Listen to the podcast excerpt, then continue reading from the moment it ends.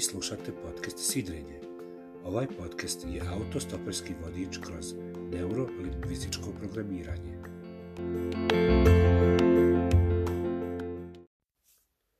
U ovoj epizodi predstavit ćemo osnovne principe neurolingvističkog programiranja. Principi NLP-a su osnovne pretpostavke na kojima je NLP nastao. Zovemo ih principima jer se ne dokazuju – ne tvrdimo da su istiniti, nego da NLP model daje rezultate ukoliko se pretpostavi da su ove tvrdnje istinite. Principi NLP-a imaju direktnu vezu sa fleksibilnošću. Omogućavaju da svijet oko sebe sagledate s pozicije koja ne prosuđuje, s pozicije koja daje veliki stepen slobode, koja prihvata različitost i koja je usmjerena na cilj.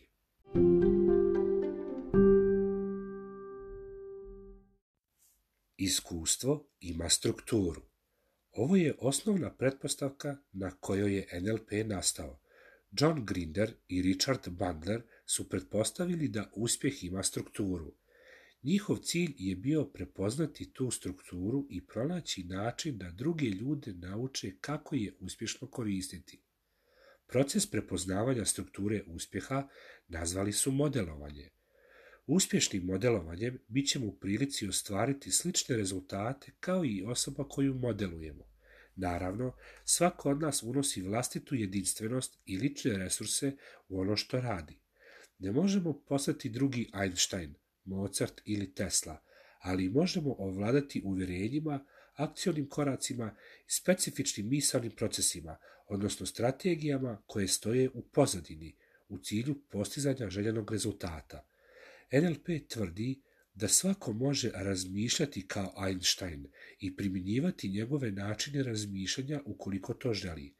Modelovanjem se možete približiti srži vlastite genijalnosti i svog jedinstvenog izražaja savršenstva.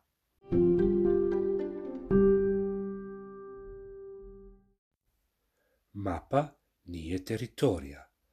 Mapa nije teritorija je metafora poznatog poljskog filozofa Alfreda Korzipskog. Mi vidimo vrlo mali dio stvarnog svijeta i na osnovu subjektivnog iskustva kreiramo vlastitu mapu. Naša percepcija realnosti i realnost su dva različita pojma. Često ih izjednačavamo i često je, je naš realan i objektivan stav suprostavljen realnom i objektivnom stavu našeg sagovornika. Mi ne funkcionišemo u svijetu, već u našoj mapi svijeta, u sklopu uvjerenja, stavova i različitih percepcija koji opisuju svijet oko nas. Mape ne dijelimo na tačne i pogrešne, nego na manje i više korisne. Na putu ka ostvarenju cilja možemo promijeniti više mapa jer su mape sredstvo, a ne cilj. U NLP-u Mapa je metafora za našu predstavu o svijetu, a teritorija je metafora za stvaran svijet. Tokom života mijenjamo svoju mapu. Ponekad je mijenjamo za mape koje su korisnije, a ponekad ulazimo u konflikt s drugim ljudima zato što njihova mapa nije ni nalik našoj. Svijet kakav vidimo, naša mapa, je određen načinom na koji ga gledamo.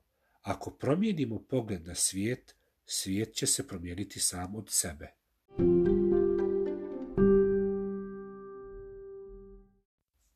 Ljudi za sebe uvijek biraju najbolju opciju. U svakoj situaciji izavrćemo najbolju opciju od onih koje su nam na raspolaganju. Možda ta opcija neće dugoročno biti naš najbolji izbor, ali u datom trenutku na osnovu raspoloživih informacija i dotadašnjeg iskustva ona jeste najbolja. Ukoliko sebi i drugima omogućimo veći izbor različitih opcija, svakako ćemo izabrati onu najbolju.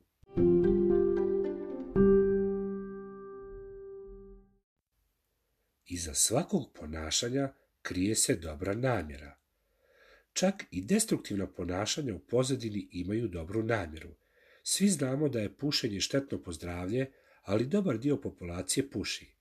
Postoji moment uživanja ili smirivanja koji jeste dobra namjera koja stoji iza pušenja. Drastičniji primjer je, na primjer, pljačka banke. Pljačkaš ima dobru namjeru da možda sebi osigura lak i ugodan život. U radu sa sobom ili drugima potrebno je prepoznati dobru namjeru koja stoji iza čudnih izbora ili ponašanja i ponudimo sebi sagovorniku ili drugoj osobi alternativu za zadovoljenje te dobre namjere. Svako od nas je u svojoj osnovi dobar. Bar mi u NLP-u vjerujemo tako. I svako ponašanje iza sebe nosi neku dobru namjeru. Da biste uspješno radili sa sobom i sa drugima, potrebno je da prihvatite da dobre namjere pokreću naša ponašanja. Ne znači da se slažemo sa njima, Jednostavno ih u datom trenutku prihvatamo i ta činjenica postaje osnova za dalji rad na sebi ili za rad sa drugima. Mi nismo naša ponašanja i ukoliko želimo da damo šansu drugima, potrebno je da usvojimo ovaj princip.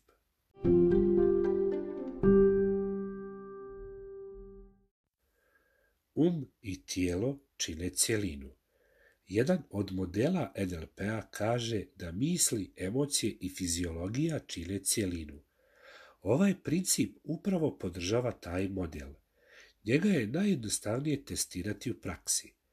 Kada su nam misli vesele, naše tijelo bolje funkcioniše i pojavno bolje izgledamo i sebi i drugima. Kada smo tužni ili depresivni, osim lošeg izgleda, imamo veće šanse da se razbolimo. Imunobiologija proučava vezu između našeg imunog sistema, naših misli i emocionalnog stanja.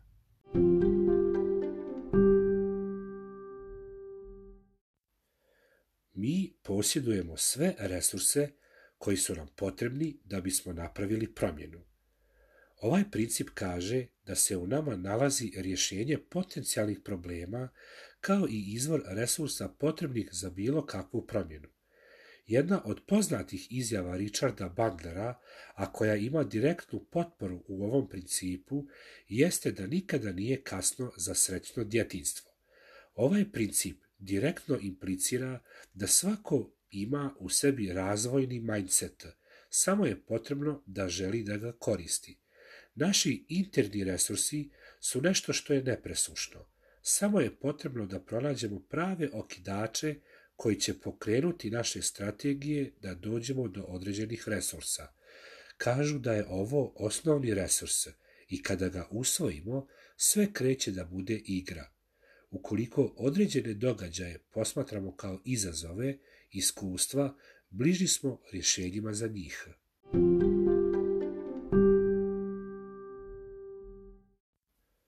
Kad nešto ne funkcioniše, probaj nešto drugo. Koliko puta ste bili u situaciji da vam neko kaže ili da vi nekom kažete sto puta sam ti rekao da. Ako je neko sto puta ponovio jednu rečenicu i na nju uvijek dobio isti odziv, postavlja se pitanje je li možda mogao uraditi nešto korisnije. Ako imate dijete koje ima šest različitih načina da izbjegne, na primjer, pranje zuba, na vama je da smislite barem sedam različitih strategija kojima ćete ga uspjeti uvjeriti da to treba uraditi. Kao bića navika, često smo uhvaćeni u istu petlju i ponavljamo ista i neproduktivna ponašanja. Agilnost i agilno ponašanje je ono što akcione korake čini moćnom mašinom na putu ka našim ciljevima. U određenim vremenskim intervalima, sedmica, mjesec, provjeravamo kako napredujemo na putu ka cilju. Koliko su se promijenile okolnosti koje vas vode ka cilju? Koliko je cilj ostao isti? I da nakon provjere mijenjate svoja ponašanja, to jeste akcijone korake.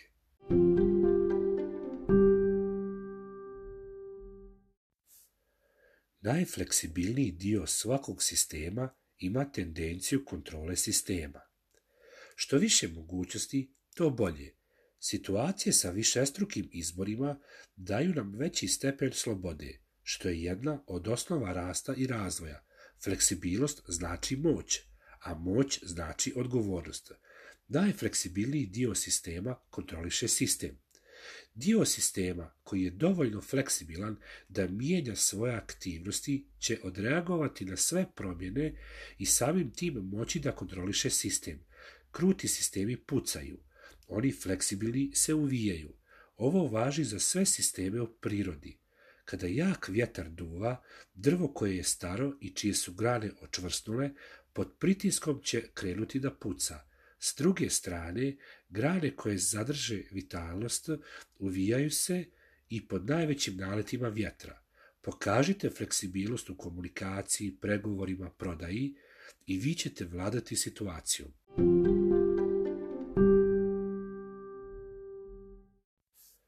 Ako neko može nešto uraditi, svako može to naučiti. Modelovanje je proces sticanja vještina. Sve vještine su sistematske, strukturirane i postoje obrazci za njihovo sticanje. Zato vještine mogu biti modelovane i duplirane. Ipak, modelovanje ne znači i preuzimanje iskustva modela. NLP polazi od činjenice da nas čini skup određenih strategija koje kada se razlože mogu da služe kao određena mapa kojom dolazite do cilja, a to je ponašanje koje donosi dobre rezultate. NLP je nastao modelovanjem ljudi koji su bili uspješni u svojim domenima rada. Danas NLP koristimo da bismo došli do određenih nacrta i planova ponašanja, strategija, uvjerenja, vrijednosti uspješnih ljudi. Time dolazimo do upotrebljivih modela kojima i mi sami možemo da ponovimo te uspjehe. Svi možemo sve da naučimo, ukoliko nam je to nešto zaista važno i bitno.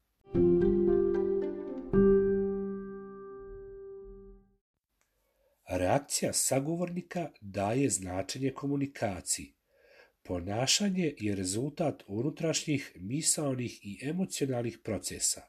Svako ponašanje je komunikacija. Kada govorimo, ali kada šutimo, mi komuniciramo. Praktično ne možemo da ne komuniciramo. Bez obzira na namjeru, mi smo odgovorni da prenesemo poruku do slušaoca na pravi način. Slušalac nema odgovornost da primi poruku onako kako smo mi željeli. U NLP-u kažemo da je potrebno da otvaramo čula da bismo bolje primijetili ponašanja drugih. Reakcije naših sagovornika nam prikazuju njihova unutrašnja stanja i samim tim daju znake da li treba da nastavimo istim tempom ili da mijenjamo nešto u našem obraćanju. Ukoliko ovladamo vještinama kojima možemo da primijetimo na koji način neko obrađuje informacije i time da, čitajući ponašanje drugih, usmjerimo svoju komunikaciju na konkretnu temu, primijetit ćemo koliko postajemo dobri u razumijevanju drugih. Uvijek i samo imate kontrolu nad sobom.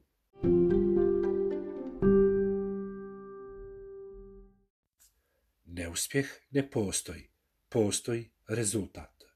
Uspjeh je rezultat iskustva. Iskustvo je rezultat ponavljanja određenog procesa ili postupka.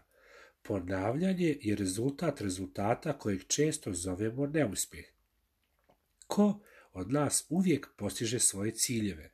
A ko od nas uvijek dolazi do rezultata, pozitivnog ili negativnog?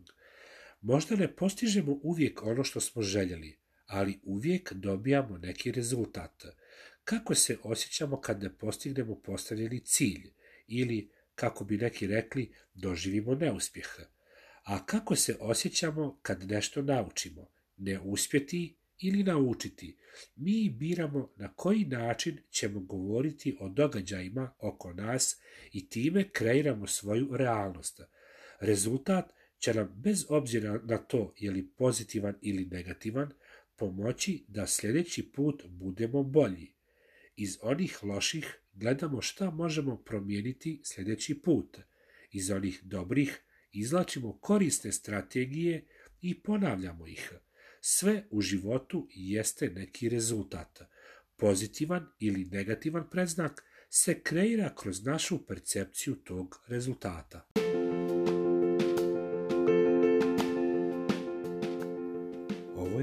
peta epizoda podcasta Sidrenje, u kojoj sam govorio o principima neurolingvističkog programiranja. Moje ime je Miloš Blagojević i slušamo se sljedeće srijede.